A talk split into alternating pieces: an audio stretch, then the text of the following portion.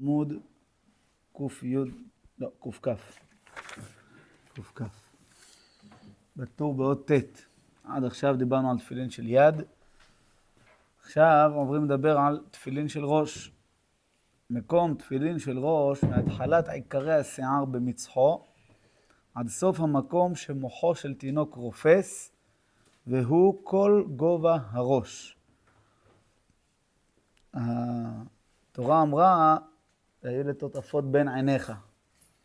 תכף נראה, בבית יוסף יביא את הגמרא, שלמדה שבין העיניים זה לא כפשוטו בין העיניים. זה אחד מהדברים הפשוטים, שכל אחד רואה שבלי תורה שבעל פה אי אפשר להבין תורה שבכתב. כי תורה שבעל פה, תורה שבכתב ניתנו ביחד.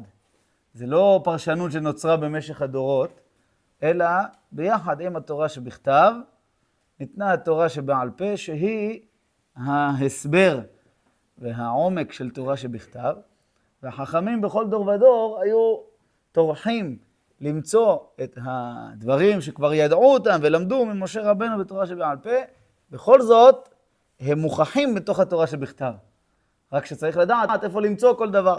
וזה הרבה מאוד מאוד סוגיות בגמרא שעוסקות בפסוקים, בלימוד הזה, באות הזאת, במילה הזאת. זה לא שעל פי זה אנחנו נלמד את הדין, ובלעדי הלימוד הזה לא נדע את הדין. ברוב המקרים זה לא ככה.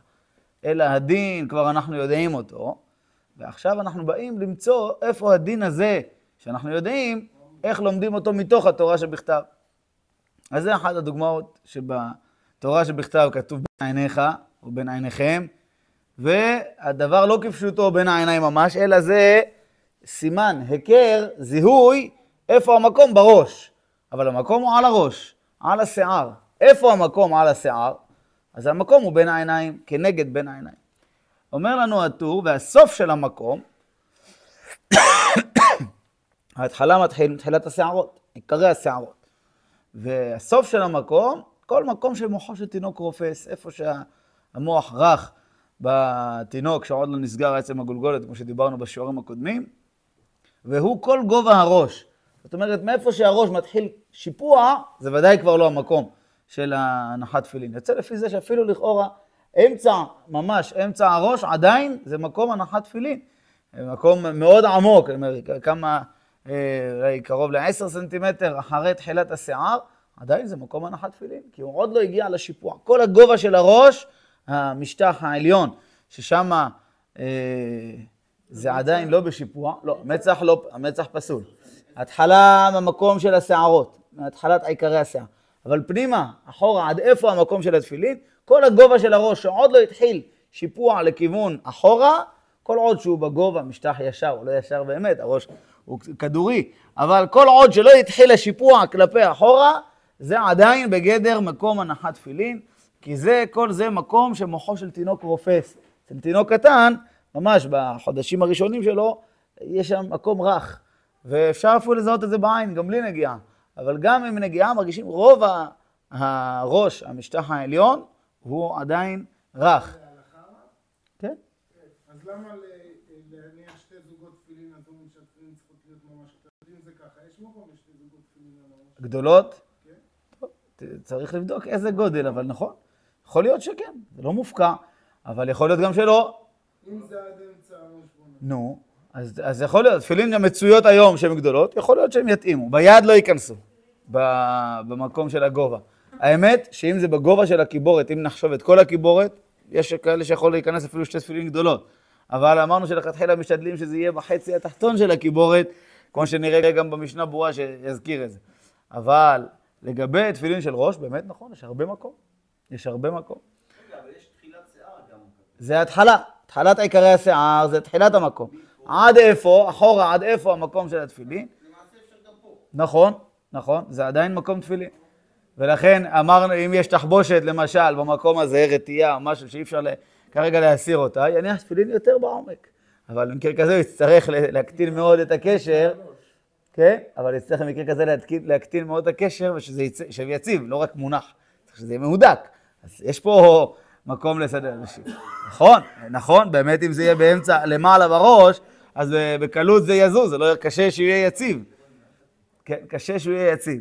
אבל על כל פנים, מבחינת המיקום, כל המקום הזה הוא מקום הנחת התפילין. בואו נראה את זה בבית יוסף, את הסוגיה בגמרא. אתם רואים באות ט', בית יוסף, באות ט', ומקום תפילין של ראש מהתחלת עיקרי השיער במצחו וכולי. בסוף פרק הקומץ, בין עיניך זה קודקוד. מה שכתוב בתורה בין עיניך, לא כפשוטו בין העיניים ממש, בין שתי העיניים, אלא זה הקודקוד, זאת אומרת למעלה, בראש. היכא, איפה זה המקום בדיוק בראש אה, של, שאמרנו זה הקודקוד? אמרי דבי רבי ינאי, מקום שמוחו של תינוק רופס.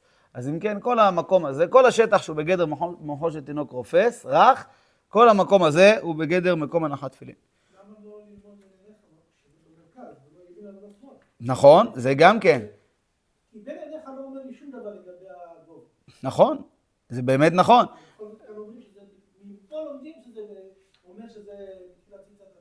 לא, היכא, היכא זה לא מאיפה, לא מפה לומדים, היכא פירושו, אחרי שאמרת לי שבין עיניך זה הקודקוד, לא ש...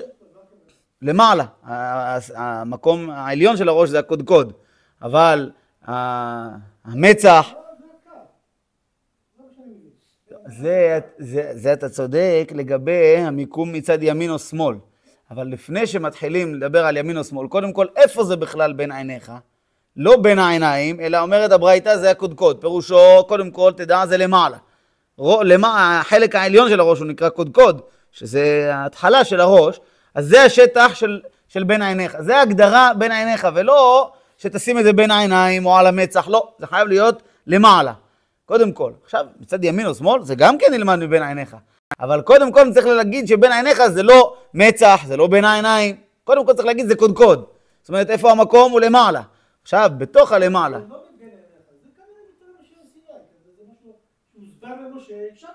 נכון, באמת. עיניך. זה לא נלמד מבין עיניך, אתה צודק, אמת.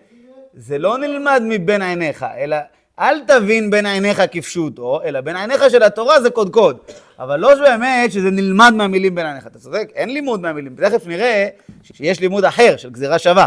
אבל כרגע, כשהגמרא אמרה, ברייתא אמרה, בין עיניך זה קודקוד, הכוונה היא לא בין עיניך כפשוטו, אלא בין עיניך של התורה, הכוונה היא קודקוד. אבל לא שבין עיניך מלמד אותי קודקוד. אתה צודק, אין לימוד מבין עיניך כרגע שילמד דווקא קודקוד ולא משהו אחר.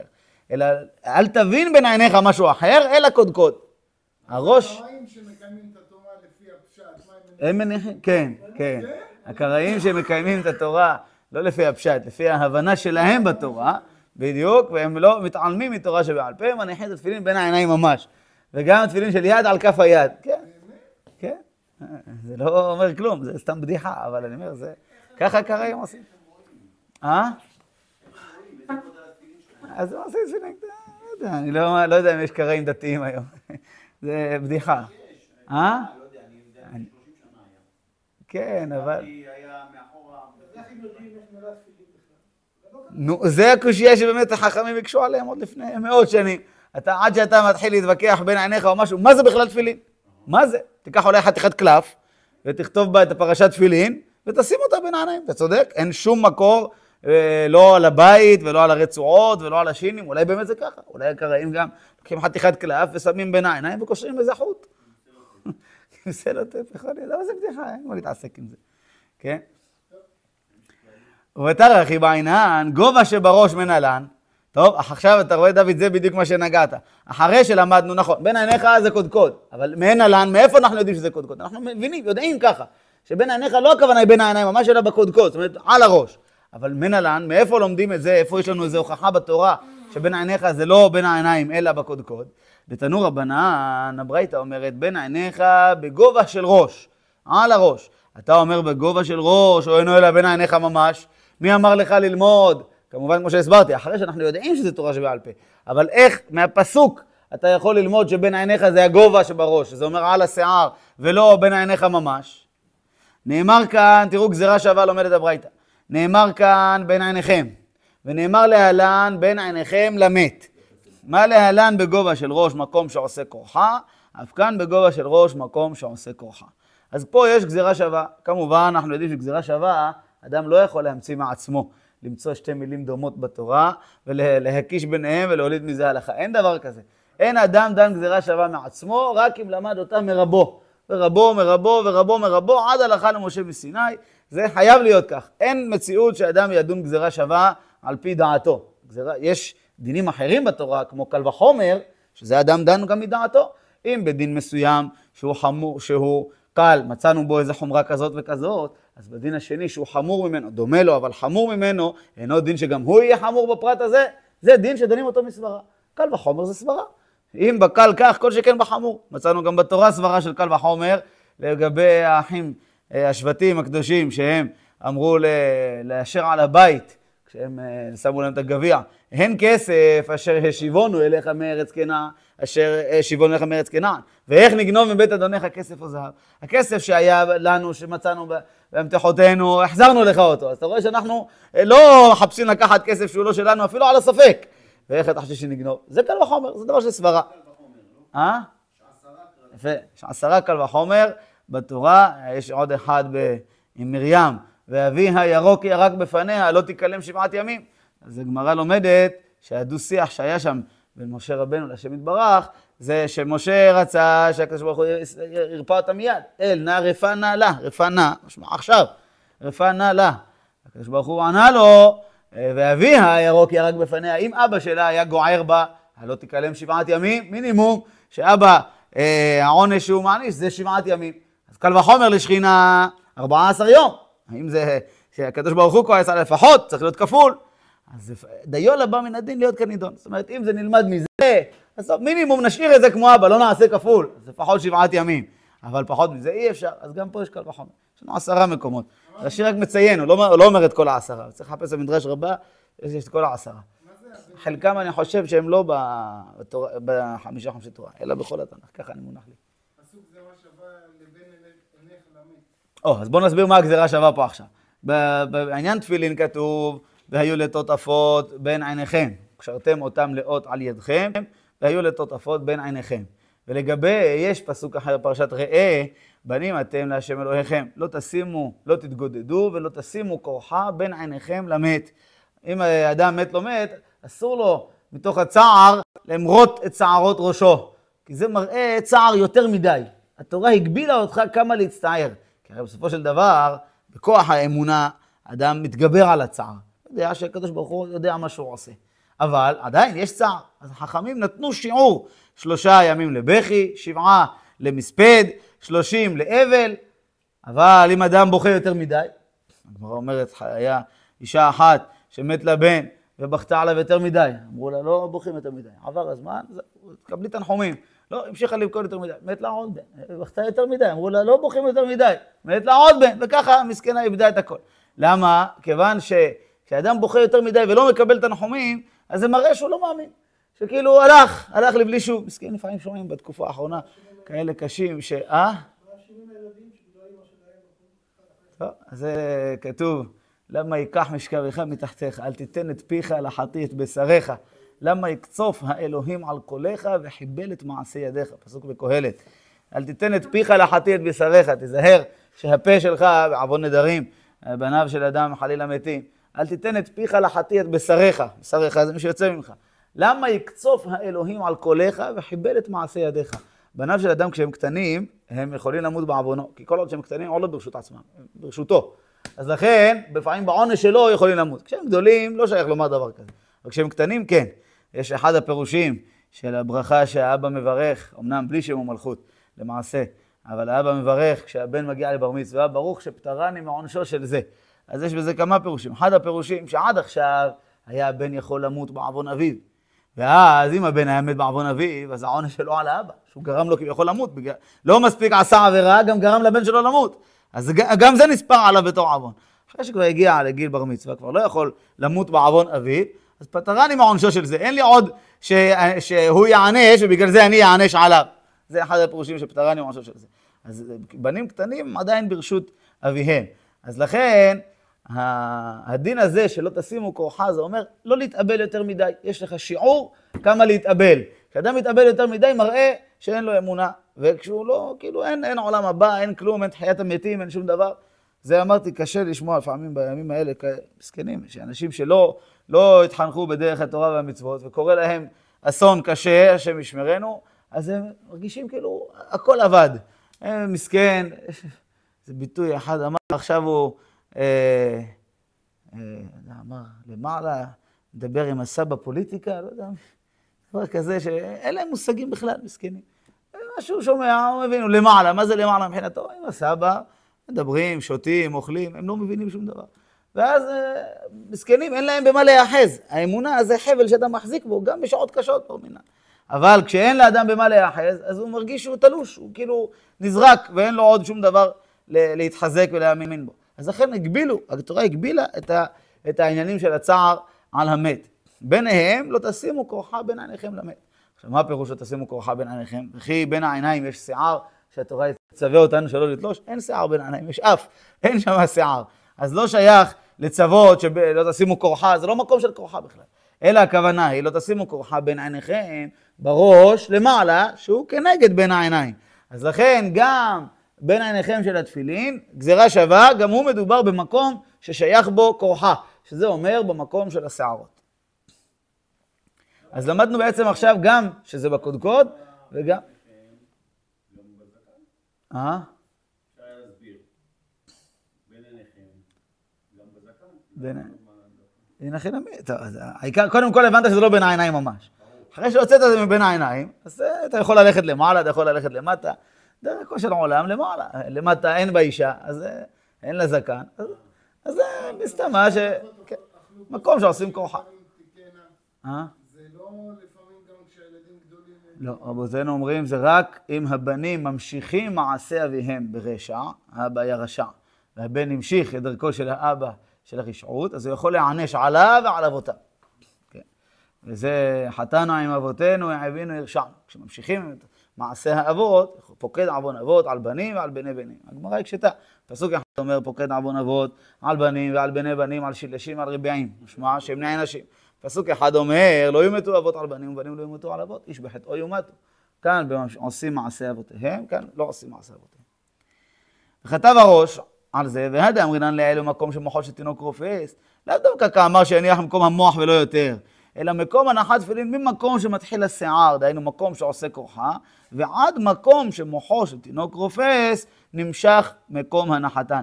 לא הכוונה היא מקום שמוחו של תינוק רופס, תעלה למעלה, איפה שהיה מקום הרך, באמצע הראש, שם תניח תפילין. לא, הכוונה היא שזה הגבול, זה סוף המקום, עד ועד בכלל. כל עוד שזה מקום שמוחו של תינוק רופס, עדיין זה מקום תפילין. אבל לא ששם צריך להניח, אלא מתחילת עיקרי השיער זה כבר מקום הנחת התפילין. אז בעצם יש לנו שני לימודים בגמרא. אחד כתוב מקום שמוחו של תינוק רופס. שני כתוב מקום שעושה כורחה.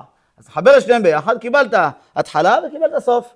התחלת מקום שעושה כורחה זה תחילת עיקרי השיער, עד מקום שמוחו של תינוק רופס ועד בכלל, קיבלת את סוף המקום. והיינו דאמרינן ועירובין, מקום יש בראש להניח בו שתי תפילין. זה כמו שדיברנו גם לגבי העטרת של דוד המלך, הזכרנו את זה שם, עטרת מלכם, שיש מקום בראש להניח שתי תפילין. אז לכן, זה מתאים למה שאמר דבר רבי ינאי, שזה מתחילת השיער עד מקום שמוחל שלנו קופץ. אז ודאי שחשמה בש... ב- בשופי מקום לשני תפילין. אלה שמניחים שני תפילין קטנים, אפילו נשאר עוד הרבה מקום, זה פשוט. אפילו שני תפילין גדולים יכול להיכנס, תלוי בראש של כל אחד, תלוי בגודל של התפילין, אבל ודאי שיכול להיות שזה נכנס.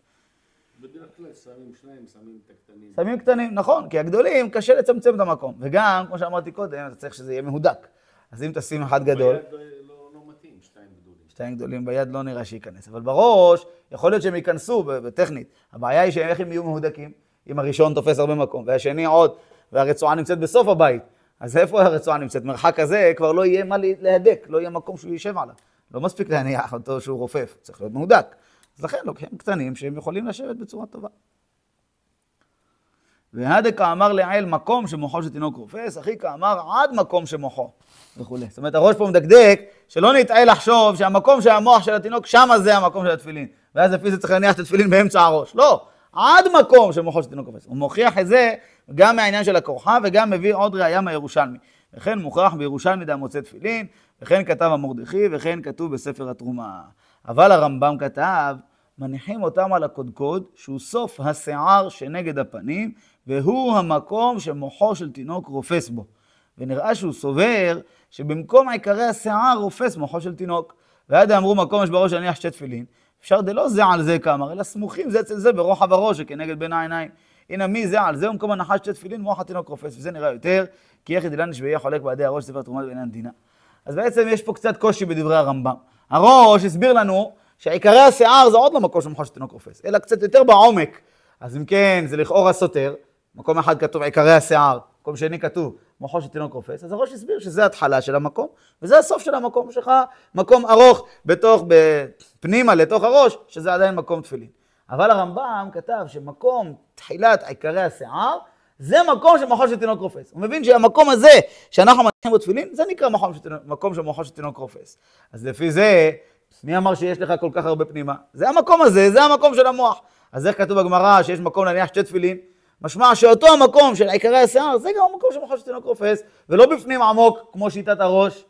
אז בהתחלה מרן רוצה לומר, אולי לתרץ ככה, שמה זה מקום להניח שתי תפילין? אולי אחד ליד השני. אחד פה, אחד פה.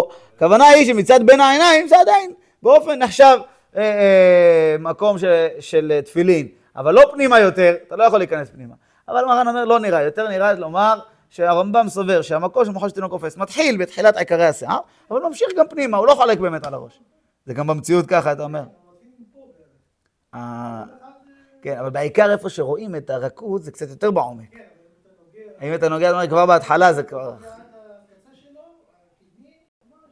עד קצה השיער, כן? אז זהו, אולי, אולי הכוונה איפה, מה זה בדיוק ההגדרה של רופס? האם רך ממש, או גם... אה? זה אמרי דבר רבי ינאי. זה כנראה בלשון המילה קודקוד, קודקוד פירושו המקום הכי עליון. וזה באמת שמה, כי משם מתחיל כבר השיפוע. נכון, אבל רק על... כי בגדול אין לך מה להגיד, איזה שיעור. עד אין. אז זה... אבל ההגדרה הזאת היא הגדרה מדויקת. אז אמנם אתה צריך תינוק בשביל לדעת את זה. אמרי דבר רבי ינאי. לא, לא ראינו שזה לא, לא ברייתא, ברבי ינאי זה בית מדרשו של רבי ינאי. זאת אומרת, הוא זה שבא על הממרה הזאת. ודאי שמקובל מרבותיו, אבל הוא, זה על שמו נקרא הממרה הזאת. רבי ינאי, על הגבול, הוא כבר נקרא המורה, אבל הוא על הגבול כבר. הוא רבו, אחד מרבותיו של רבי יוחנן. אז הוא על קו התפר. אולי יש מקום שאפשר להחשיב אותו תנא, בד... לא זוכר אותו בברייתות. יש בפרקי אבות, יש מקום שכתוב רבי ינאי. בפרקי אבות, לא דומה, לפעמים נכנסו אפילו כאלה שעל הגבול. אפילו רבן גמליאל בנו של רבי יהודה הנשיא נכנס שם. אז יש, יש שם כאלה חכמים שהם על הגבול בפרקי אבות. אבל, אבל בדרך כלל רבי ינאי הוא נמצא בלשון, עם האמוראים, רבי יוחנן וכדומה. הוא רבו של רבי יוחנן, אבל הוא נמצא שם. אבל יכול להיות שהוא, יכול להיות שאפשר לחשוב אותו גם כתנא. על כל פנים, ודאי הוא לא המציא את זה, מקובל מרבותיו. אבל איפה הרמז לזה בתורה, למוחו של תינוק רופס? אין לנו רמז לזה. לא... הוא הבין ככה, זה לא... הוא הבין שהמוחו של תינוק רופס זה אותו מקום של הכורחה. הרי הכורחה אמרנו זה תחילת השיער. אז המוחו של מקום של מוחו של תינוק רופס, וזה, זה היינו הך, זה שני שיעורים, שני ביטויים לאותו שיעור. הראש הבין שזה אחד אחרי השני. בהתחלה זה מקום של הכורחה, ואחר כך מקום מוחו של תינוק רופס. הרמב"ם מבין שזה אותו מקום. אז בתירוץ הראשון מרן רוצה לומר אותו מקום, ואז הוא חולק על הראש, כי זה לא כזה, לא נכנס עד כדי כך פנימה. התירוץ השני מרן אומר לא, לא. זה כמו הראש, רק שהוא סובר שהמקום הזה של מוחו של תינוק רופס יותר גדול. אין פה קושייה. והוא אומר, זה נראה יותר, ככה מרן אומר, זה נראה, התירוץ השני נראה יותר, כדי שלא נעשה אותו חולק עם הראש לעניין דינא כשאין צורך. אנחנו לא מחפשים לעשות מחלוקות כשאין הכרח.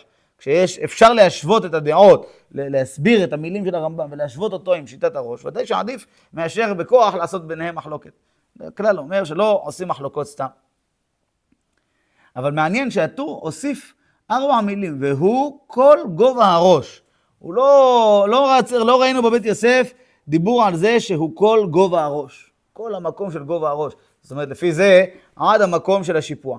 אלא אם כן נגיד, זה פשט הברייתא. הברייתא אמרה בין עיניך, בגובה של ראש. בגובה של ראש משמע כל הגובה, כל עוד שאין שיפוע אחורה, זה עדיין מקום הנחת תפילין. כן. אז אם ככה רבי ינאי שאמר מקום של מחון של תינוק רופס, רק רצה לדייק אותנו יותר למקום הזה. כי היינו הך, אפשר להגיד גובה של הראש, זה באמת uh, מתאים. אולי יש בקצה הגובה של הראש מקום שמחון של תינוק לא רופס שם? קצה הגובה של הראש? האם המחון של תינוק רופס?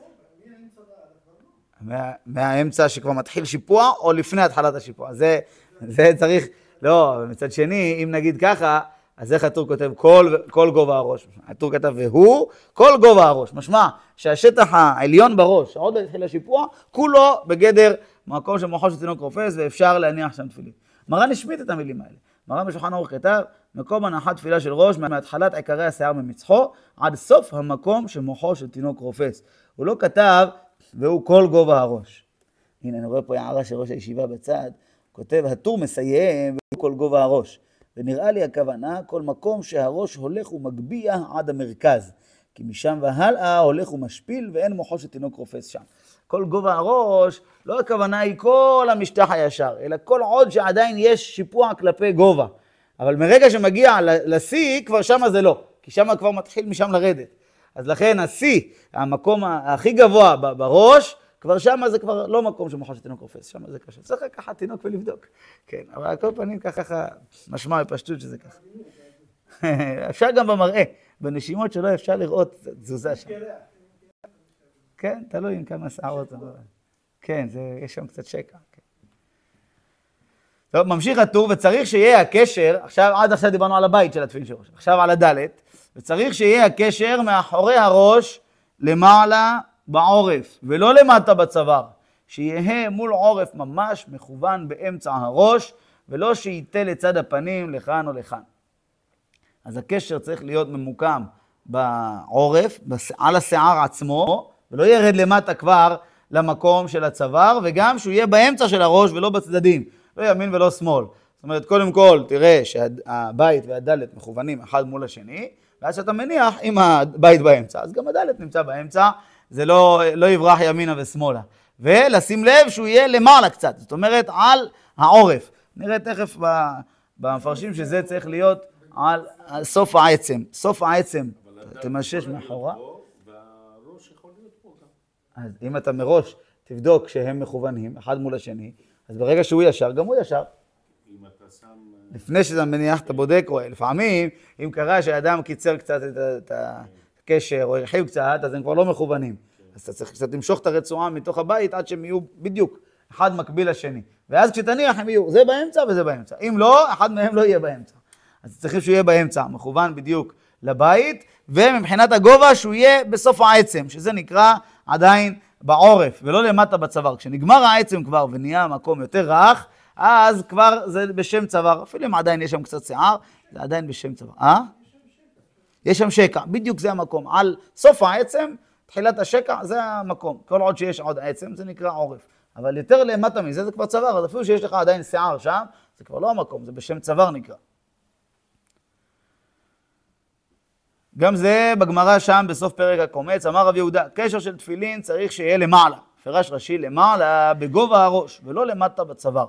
וזה לשון הרמב"ם, ויהיה הקשר בגובה העורף שהוא סוף הגולגולת. אז הרמב"ם מוסיף לנו שתי מילים שיותר מדייקים אותנו במקום של הקשר של הדלת מאחורי הראש, סוף הגולגולת. אז עצם הגולגולת זה קל למשש, אתה ממשש, מרגיש את העצם, זה סוף הגולגולת. מתחת לזה, זה כבר המשך הגוף, זה לא עצם הגולגולת. עצם הגולגולת מסתיימת עוד לפני סוף השיער. שמה, בסוף הגולגולת, זה המקום של הנחת הדלת. ואם זה יותר למטה מזה, לא טוב. צריך לקצר קצת את, ה... את הקשר, ואז לזה, אה? שסוף הגולגולת? אין לזה בתורה. איפה למדנו שבכלל צריך לעשות קשר מצורת ד'?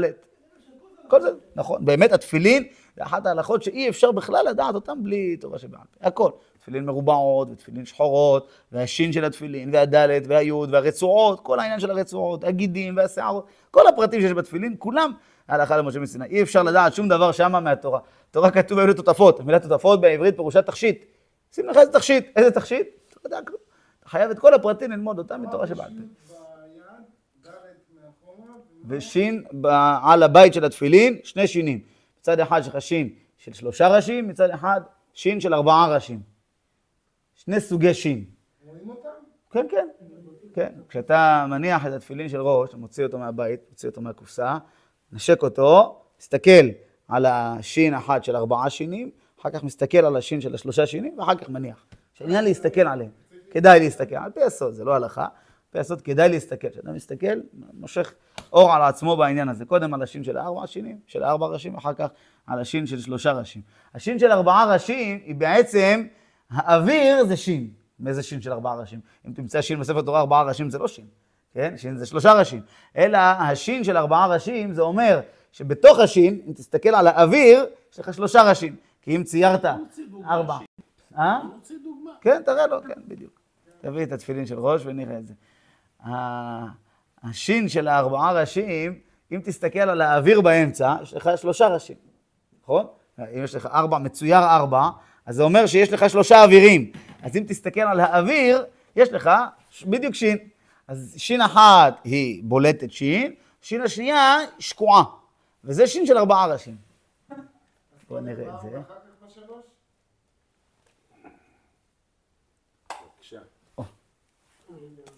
אז יש לנו פה, השין הזאת של ארבעה ראשים, היא נמצאת בצד שמאל שלנו.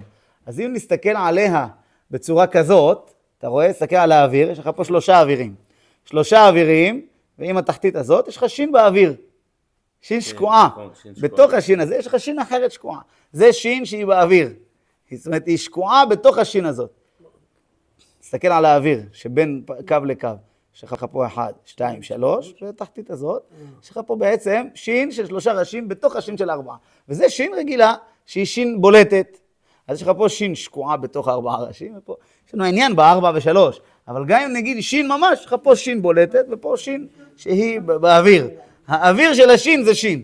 האוויר של השין ארבעה ראשים היא שין רגילה שלנו.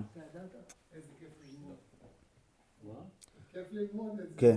וזה השערות, זה דיברנו על זה בשיעור הקודם. השערות האלה, שבולטות פה בתפילין של ראש, כל תפילין של ראש יש את זה, זה שערות שקושרים איתם כל פרשה, קושרים, אחרי שמגלגלים את הפרשה, קושרים אותה עם שערות ומכניסים לתוך הבית. יש פה ארבעה בתים, זה לא בית אחד. תפילין של יד זה ריבוע אחד, יש בו באמת חלל אחד. פה יש ארבעה חללים שונים, מדפנות באמצע. העור הזה היה בהתחלה ארבעה בתים, הידקו אותו, דחסו אותו עד שהוא נהיה יפה מרובע. אבל הוא, יש פה ארבעה תאים בפנים. בכל תא יש פרשה נפרדת. אז כל פרשה קשורה בשיער, והפרשה של והיה עם שמוע, שזה נמצאת, אה, קדש לי. והיה כי הביאך, שמע והיה עם שמוע, נמצאת פה, בסוף. אז מפה מוציאים את השיער הזה. זה סוף השיער של הקשירה של והיה עם שמוע. ולכן בתפילין של רבנו תם, שנמצאים קדש לי, והיה כי הביאך, והיה עם שמוע שמע, זה הסדר של רבנו תם, אז לכן השיער לא נמצא פה, אלא נמצא פה. כן? זה, לכן בתפילין של ראש אי אפשר לטעות. אם אתה רואה תפילין של ראש, אתה יודע אם זה ראשי או רבנו תם. תפילין של יד אי אפשר לדעת. תפילין של יד, אם התבלבלת, אדם שקנה תפילין חדשות, והתבלבל לו פעם אחת בין תפילין של יד של ראשי לרבנו תם.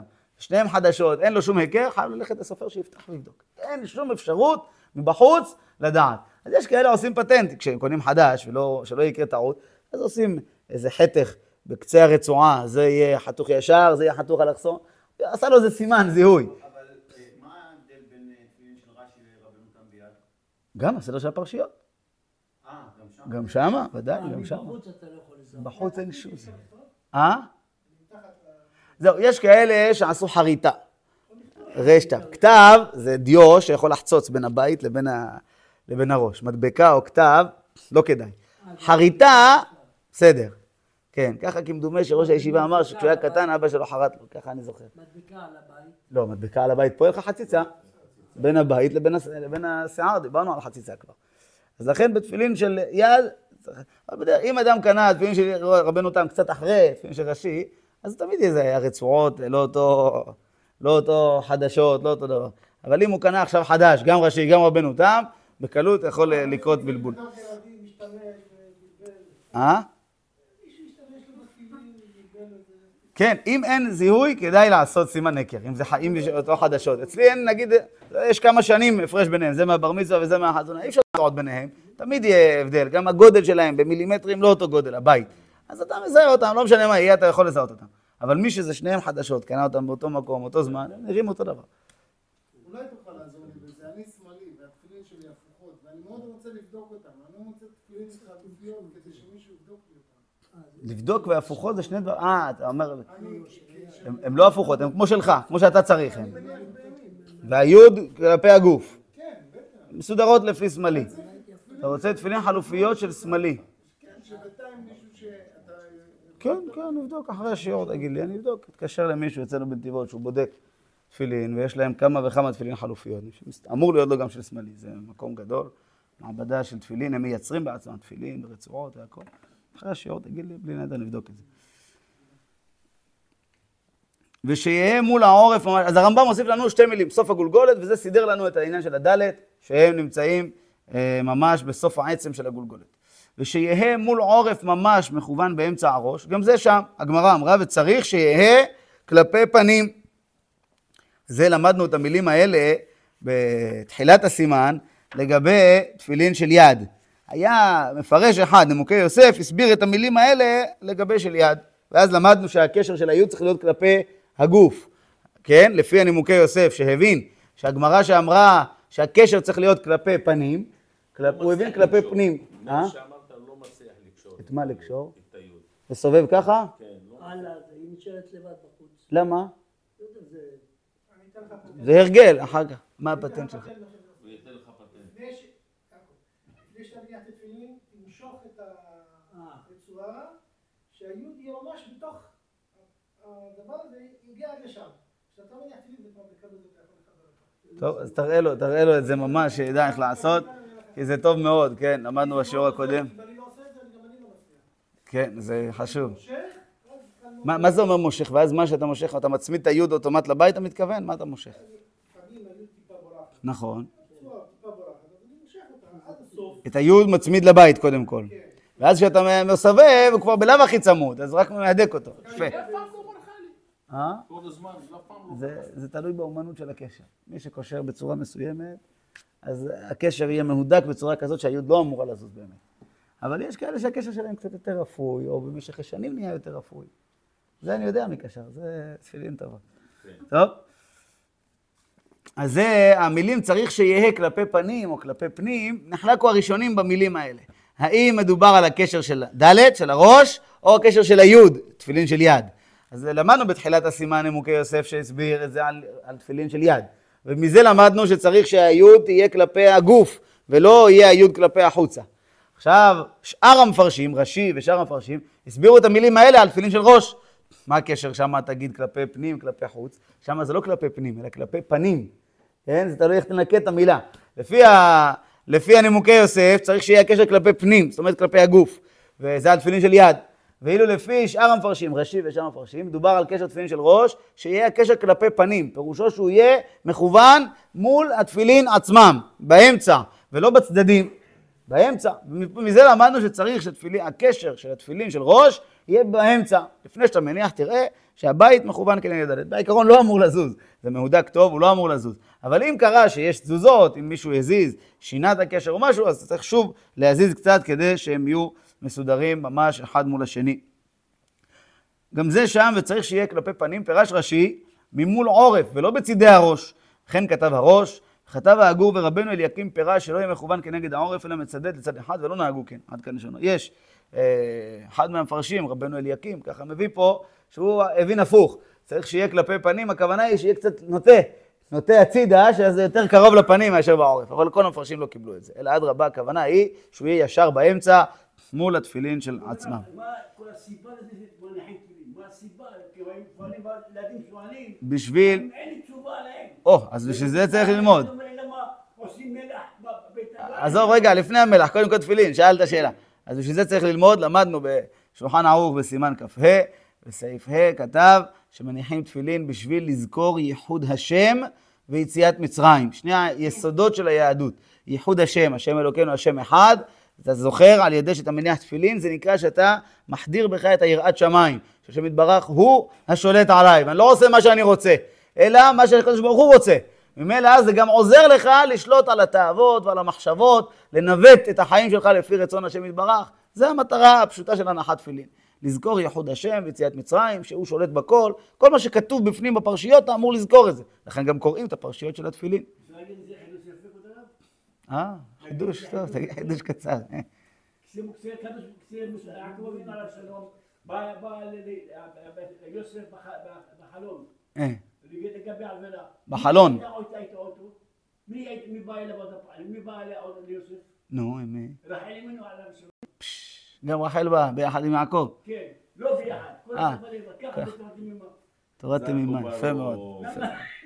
יפה מאוד, זיכית אותנו. כתב הרמב"ם ז"ל, צריך לכוון אותם באמצע כדי שיהיו בין העיניים, ונראה שטעמו מיד אמרינן צריך שיהיה כלפי פנים. כי תפרש רש"י והראש ז"ל, לכוון הקשר ממול עורף, ממילא הקציצה היא בין העיניים. ובלאו הכי צריך לעשות כן, לקיים קרא דכתיב והיו לטוטפות בין עיניך. אז הנה עכשיו דוד, מה שאמרת בתחילת השיעור זה דברי מרן הבית יוסף. אומר, צריך גם להיצמד לפשט של הפסוק. התורה אמרה ואלו תותפות בין עיניך. נכון שלמדנו שבין עיניך גזירה שווה, בין עיניכם למד, מקום כורחה, אבל עדיין הפשט של הפסוק לא עבד. גם הפשט שצריך שיהיה בין העיניים ולא בצדדים.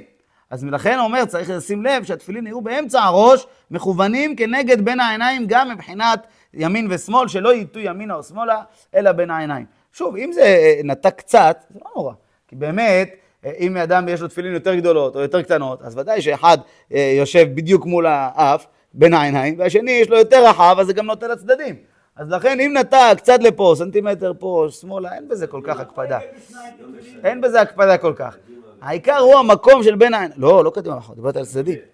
קדימה, אם זה נכנס, אחורה אין בעיה. אחורה אין בעיה. קדימה נטע למצח, לא טוב.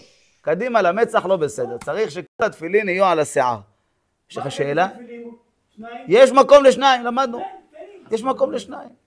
אפילו שניים גדולים למדנו שיש מקום. אפילו שניים גדולים למדנו מקודם. ראינו מקודם, המקום, תראה, צדיק, המקום של ההנחת תפילין עד פה אפילו, עד פה מגיע. לא, פה אמרתי, פה. למעלה. עד המקום בגובה של הראש. איפה אמצע הכיפה שלך בערך, עד שם אפשר עדיין לנהל. אז יש לך מקום בשפע. אז לכן הרמב"ם כתב שמכוון אותם באמצע, כדי שיהיו בין העיניים, בשביל לקיים בזה, והיו לטוטפות בין עיניך. ממשיך הטור עוד הלכה, וצריך שיהא נויו, הנוי שלו, שהוא המקום שנראה כעין ד' לצד חוץ, ולא לצד הראש. הקשר בצד החיצוני שלו הוא נראה ד', אבל בצד הפנימי, תהפוך את הקשר בפנים, שמה תערובת, זה לא בדיוק נראה. אה? אצל אשכנזים יש כמו ד' סתומה, שזה נראה ד' מפה וד' מפה. כמו מ' סופית, אבל הרעיון ודאי שזה ד', אלא הכוונה שלהם שזה שתי ד', יש לך ד' אחת כך וד' אחת כך. ואז זה נוצר מ' סופית, אתה צודק. אשכנזים הקשר של הד' שלהם הוא ריבוע שלם, שהרעיון הוא שיש פה ד' כך ועוד ד' אחת אה, סוגרת את ה... שני ד'ים, מחוברות, מחוברות. אבל אצלנו רואים ד' ממש, אבל אם תהפוך... אה? אבל פחות רואים את הד', פחות רואים את הד'. ואצלנו מה? זה ד' ממש? גם אצלנו. נו, אז באמת צריך לדעת שההבדל בין הרש לד' זה לא רק הבליטה החוצה. גם ד' בלי בליטה החוצה היא כשרה אם היא תהיה מרובעת. ולעומת זאת רש חייבת להיות עגולה מבחוץ. אם היא תהיה מבחוץ מרובעת, אפילו בלי שום בליטה החוצה היא פסולה, זה ד'. זאת אומרת, על פי עיקר הדין בהלכות כתיבת ספר תורה, ד' ורש זה לא רק הבליטה החוצה, הבליטה החוצה זה תוספת בד'. צריך, יש את זה, ודאי שזה צריך את זה, וזה ככה הצורה של האות. אבל זה לא מה שמעכב. צורת האות המעכבת זה הריבוע בחוץ או עיגול בחוץ. אם זה ריבוע, זה ד'. אם זה עגול, זה רש. אז בתפילין זה מרובע. אה? אבל מרובע, כן. אם פתאום אתה שם לב אחד שהתפקשש, אתה צריך לעצור את הקריאה. אם זה עגול, זה הספרים האלה שהם על הגבול של הכשרות, הכי קשה לקרוא בהם. במקום להתרכז בקריאה, אתה רק מתרכז לראות אם הספר כשר או לא. כן, יש לנו ספרים כאלה, אבל זה צריך באמת, אה, בשביל זה צריך ספר שהוא יהיה טוב, שיהיה כתוב, זה מבחינת זה אלי וענווהו, על זה כתוב.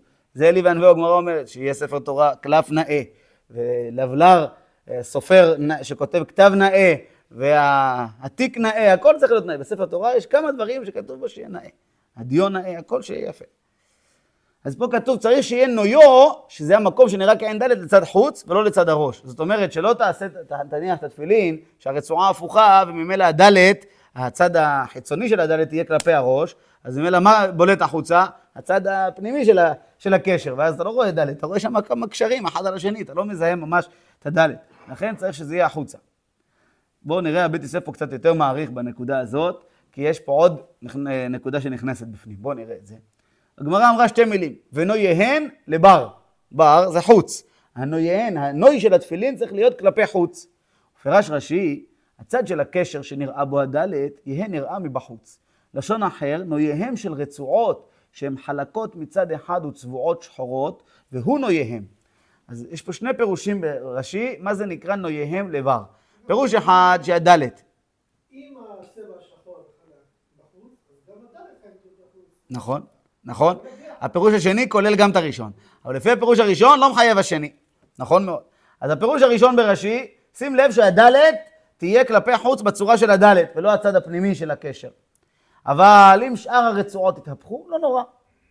אבל לפי הפירוש השני, נויהם זה הנוי של כל הרצועה.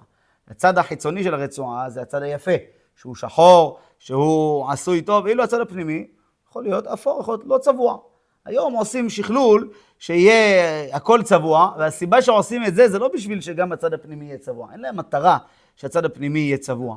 המטרה היא, לא, אבל עדיין, עדיין צריך לשים לב שלא יתהפך. המטרה היא שהיום צובעים, לא כולם, אבל היום כבר זה נהיה מצוי, שהרצועות צבועות משני צדדים, זה בשביל שהצבע יהיה יותר חזק. אז לא צובעים אותו בצבע כמו שהיו עושים בשנים הקודמות, מטבילים אותו בצבע. ואז הוא נהיה כל כך צבע חזק, שלא אמור לרדת אף פעם. פעם, כל הזמן, יש לך טוש כזה של תפילין, עם כשרות, שזה הצבע מן המותר בפיך, שאין בו בעיה שהוא כשר לתפילין, וכל כמה זמן צריך לצבוע אותו. ברצועות, אז מדי פעם צריך לעבור על זה, להגיד לשם קדושת תפילין, ולעבור שהרצועות יהיו שחורות. שיהיה לפחות במ- במקום. קצת... אם זה קילופים בקליפה העליונה, בהברקה הזאת, בסדר. אבל אם זה כבר לא שחור, צריך לצבוע שיהיה שחור. אבל היום שה- שהרצועות כל כך שחורות, אין את הבעיה הזאת. לא צריך אף פעם לצבוע את הרצועות. לא אמור לצאת הצבע גם אחרי 20 שנה, לא יוצא הצבע. כי זה צבע שהוא ממש אה, אה, עופף את כל הרצועה בפנים. או ספוג בפנים. עכשיו, אבל עדיין, גם היום יש לנו הבדל בין הצד הפנימי, שהוא פחות יפה, לא מבריק, לבין הצד החיצוני, שהוא מבריק. זה היופי של התפילין. אז אומרת, אומרת הגמרא, נויהם לבר, הצד הנוי, היופי של התפילין צריך להיות כלפי חוץ, ולא שהצד הפחות יפה ייראה. זה לא כבוד של התפילין, אה? גם בפנים הוא יפה. לעומת מה שהיה פעם. כן, לעומת, אבל לעומת זה, אתה מזהה שזה מבריק וזה לא. בכוונה מקפידים לעשות עדיין, לא יעשו שני צדדים מבריק, כי רוצים שיהיה הצד החיצוני יפה יותר, כי יש עניין בנויהם לבר. לא, לא, הרצועה. אה, כל הרצועה. פירוש הראשון של רש"י מדבר על הקשר של הדלת. פירוש השני אומר כל הרצועה. צריך לשים לב שכל הרצועה, שהצד היפה יהיה כלפי חוץ. מה הראיה לפירוש השני? מביא רש"י, ראיה לדבר, מדאמרינן התהפכה לרצועה דתפילין, אמר לאלה סבר לאמור ונויהם לבר. הגמרא שם סיפרה שהתהפכה לו אחד החכמים הרצועה של התפילין פעם אחת, תכף נראה את הצום, והתהפכה לו שם הרצועה, ואז החכם השני אמר לו, אתה לא סובר שצריך שיהיה הנוי כלפי חוץ? שים לב. אז אם כן, רואים מזה שזה לא מדבר רק על הדלת, כי הגמרא אמרה התהפכה לרצועה דתפילין. הרצועה התהפכה לו וכבר אמרו לו לתקן, לשים לב, תהפוך בחזרה, שיהיה הצד הנוי של התפילין, הנאה, כלפי חוץ. אז מזה הוכחה לפירוש השני. וכתב הראש על זה, ומי הוא גם על הקשר קאי. זה מה שאמר דוד קודם. כשאנחנו אומרים שהתפילין, שהרצועה צריכה להיות כלפי חוץ, זה מדבר גם על הרצועה וגם על הקשר, לא רק על הרצועה. ודאי, כי דמוכרח מפרק המוצא תפילין, שגם על הקשר צריך להקפיד. וכן פירש בערוך, וכן כתב המרדכי, כתב עוד אי קאי הרצועות של ראש, כל שכן הקשר של יד. ועוד אלא השכחן חילוק בין של ראש ושל יד, ואין בידי להקל וטוב להחמיר. שאלו את המרדכי, האם זה דווקא ברצועה של ראש נאמר, כי שם זה בסוגיה מדבר על תפילין של ראש, או שגם על תפילין של יד. אמר, לא מצאנו חילוק בין תפילין של יד לתפילין של ראש בעניין הזה, אז לכן אין, אה, אין להקל בדבר, וטוב להחמיר, לשים לב, גם בתפילין של יד. ככה לשונו, להקפיד גם בתפילין של יד, שיהיה הקש, הרצועה, הצד הנאה של הרצועה כלפי חוץ, וזה הנוי של התפילין. נראה את זה. גרסינן בפרק ואלו מגל חיים, נוסיף עכשיו מרן מסוגיה אחרת לגמרי, מסכת מועד קטן, שם סיפור, רב הונא התהפכה לרצועה דתפילין, ויתיב עלה ארבעים תעניתה. שם בכלל הסוגיות בנושא אבלות. ובתוך הדברים היה שם סיפור עם רב הונא, שבאו לקבור את רב הונא בארץ ישראל, הוא היה רב בבבל, ראש הישיבה הגדולה בבבל, והביאו אותו לארץ ישראל לקבור אותו. כשבאו להכניס אותו, אמרו מי יתעסק בו? אז היה חכם אחד, רב חגי. אמר, אני שימשתי אותו בחייו, אז אני אתעסק בו גם במותו. רצו להכניס אותו למערה של רבי חייא. רבי חייא ובניו, מערה גדולה וחשובה, אה, בטבריה. בהר. רבי חייא. לא, לא היינו אצלם. היינו למעלה בהר אצל רבי עקיבא, אצל רבי חייא לא היינו. אה? באותו מקום, באותו הר? כן, אבל לא גם שם, כנראה. אז זה, אז רבי, אז רב הונא, רצו להכניס אותו לאותה המערה. ואז הגמרא מספרת שם, שרב חגי אמר להם, אני מכיר אותו מחייו, שימשתי אותו. ומספר להם סיפור עליו, על רב הונא, להראות שהוא באמת מכיר אותו והיה איתו אה, ממש בתור תלמיד קרוב. אומר, אני ראיתי פעם אחת שהתהפכה רצועה של תפילין, וצם על זה 40 תעניות. עד כדי כך, בשביל שלא, אה, פה חוסר כבוד בתפילין, שהצד הפנימי נגלה כלפי חוץ. זה שמשתלשל. נראה את זה בהמשך. פשוט מדובר על המקום של, ה, של ההידוק, מקום שזה עיקר הרצועה. משתלשל אחרי שיעור כזה, כבר אמרנו שזה לא מעקר. אבל נדבר על זה. על כל פנים, זה מה שכתוב, שהתהפכה לו הרצועה. שם הגמרא מספרת שבאמת רב חגי בא להכניס אותו למערה של רבי חייא ובניו, והיו שם במערה שוכבים, נפטרו כבר, רבי חייא ושני בניו, יהודה וחזקיה, שהם היו תאומים, חכמים גדולים, מוזכרים בכמה מקומות, שהם היו גדולים, הגמרא מספרת במקום אחר, שלושתם יחד שקולים כמו אברהם, יצחק ויעקב. יכולים להביא את המשיח, נכון? רבי חייא ושני בניו, יהודה וחזקיה. אז בא הרב חגי להכניס את רב הונא למערה, אז יהודה הגדול אומר לחזקיה, קום, תפנה מקום לרב. נפטרו, כן? הוא מדבר איתו, קום, תפנה מקום לרב. ואז כשהוא קם, אז היה שם עמוד של אש. ודאי, זה לא איזה נפטר גדול שקם ממקומו. הרב חגי ראה את זה, נראה לו עוד שנייה היה עומד למות. אז ישר לקח את הארון של רב הונא, זקף אותו כדי שיגן עליו, דחף אותו פנימה וברח. ואז נשאר עומד. רב הונא, שם ככה כתוב שהוא קבור עומד. על רבי מאיר יש מסורת אחרת, אבל רב הונא כתוב שם בגמרא, זקפה ונפק. לא, לא, לא יעז עוד להיכנס פנימה ולסדר אותו, זהו, עד כאן. אה, לראות אותו כך? מסתם מה שמכוסה כבר בכמה אה, שכבות ועניינים, אבל זה המקום. זה אותו הקבר מקום. של רבי חייא, אבל הוא קבור איתו. כן, אבל אתה- רוצה לראות מה קורה בפנים? לא, אה. זהו, אז זה זהו. כן, זה יש, יש שם מקום, ודאי. המצבה שלו עומדת? יכול להיות שהוא בפנים, בתוך מערה, מה שאתה רואה, זה על גבי ההר. יכול להיות שהוא בפנים, המצבה שמים אותה מבחוץ, אבל הוא נמצא בתוך מערה בפנים, בתוך ההר. זה לא, המצבה זה לא אומר שהוא בתוך המצבה. אתה מבין? המצבה היא על גבי הקרקע. רבי מאיר מה שעשו, הוא נמצא שם? למטה, זה לא באמת באותו מקום ממש, זה נמצא למטה בפנים, יש שם מערות, היו, אה, עבר מאז אלפיים שנה, אלף שבע מאות שנה, אלף שמונה מאות שנה, שכבות על שכבות של עפר שהצטברו, זה לא, זה לא באותו מקום ממש. ועוד בכלל, טבריה עם כל הרעידות אדמה שהיו, דברים אה, שקעו פנימה.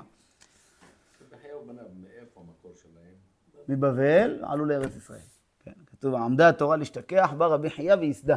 היה ממקום למקום מלמד תלמידים, שלא תשכח תורה מישראל. ובהלכות תפילין כתב הראש, וזה לשון תשובת גאון. רצועה דרב הונא התהפכה, ויתיב ארבעין יומין בתענית. שאלו את הגאון, בשל יד או בשל ראש? מה מדובר פה? באיזה רצועה? עונה להם הגאון, הכי גמירנה מרבותה. למדתי מרבותינו. דשל ראש הייתה. זה היה רצועה של ראש. ורב הונא דייתיב בתעניתה, לאו משום דחובה הווה. תשובה אחרת, מאן דהפיך רצועה של ראש או של יד, מחייב למיטב בתעניתה דפושע הוא וצריך תענית. אבל לחייבו ארבעים תעניות כרב הונא לא. ברוב חסידות עוד דעבד עד כאן לשונו. אז פה הראש מביא שתי תשובות של הגאונים. תשובה אחת, לא באמת צריך לשבת בתענית על דבר כזה, רק רב הונא לפי מדרגתו עשה את זה. תשובה אחרת מהגאונים, כן צריך לשבת על זה בתענית, כי זה פשיעה, זה זלזול בתפילין, אתה צריך שימת לב. אלא 40 תעניות זה לא מחייבים אותך, זה רב הונא כבר לפי מדרגתו. אבל תענית אחת כן צריך לשבת על זה, אז יש פה בעצם שתי תשובות של גאונים שהביא הראש, לפי דעה אחת אה, לא צריך בכלל לשבת על זה בתענית, לפי דעה שנייה צריך לשבת על זה בתענית לפחות אה, יום אחד.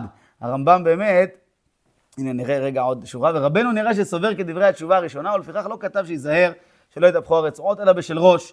אבל הרמב"ם כתב בפרק ג' ולעולם ייזהר להיות פני הרצועה למעלה בעת שקושר אותם על ידו ועל ראשו. כתב מארי אבוהב דלישנא דהרמב"ם דאיק דלה כפתינן אלא שלא תתהפך הרצועה בשעת הנחה. אבל אם מניחה כתקנה ואחר כך נתהפכה, אינו נקרא פושע. עד כאן לשונו. ונראה לי שאין זה דקדוק. ככל שמניחה כתקנה, אינה עשויה להתהפך מעצמה. אז מרן פה מסיים בדברי הרמב"ם, שהוא כתב, לעולם ייזהר. לשון חזקה, ייזהר. לא אמר וצריך, ייזהר. מצד אחד, לא מזכיר לך תעניות הרמב"ם. מצד שני, בגלל שכתוב תענית, אז הוא כבר עושה איזה תוספת אזהרה.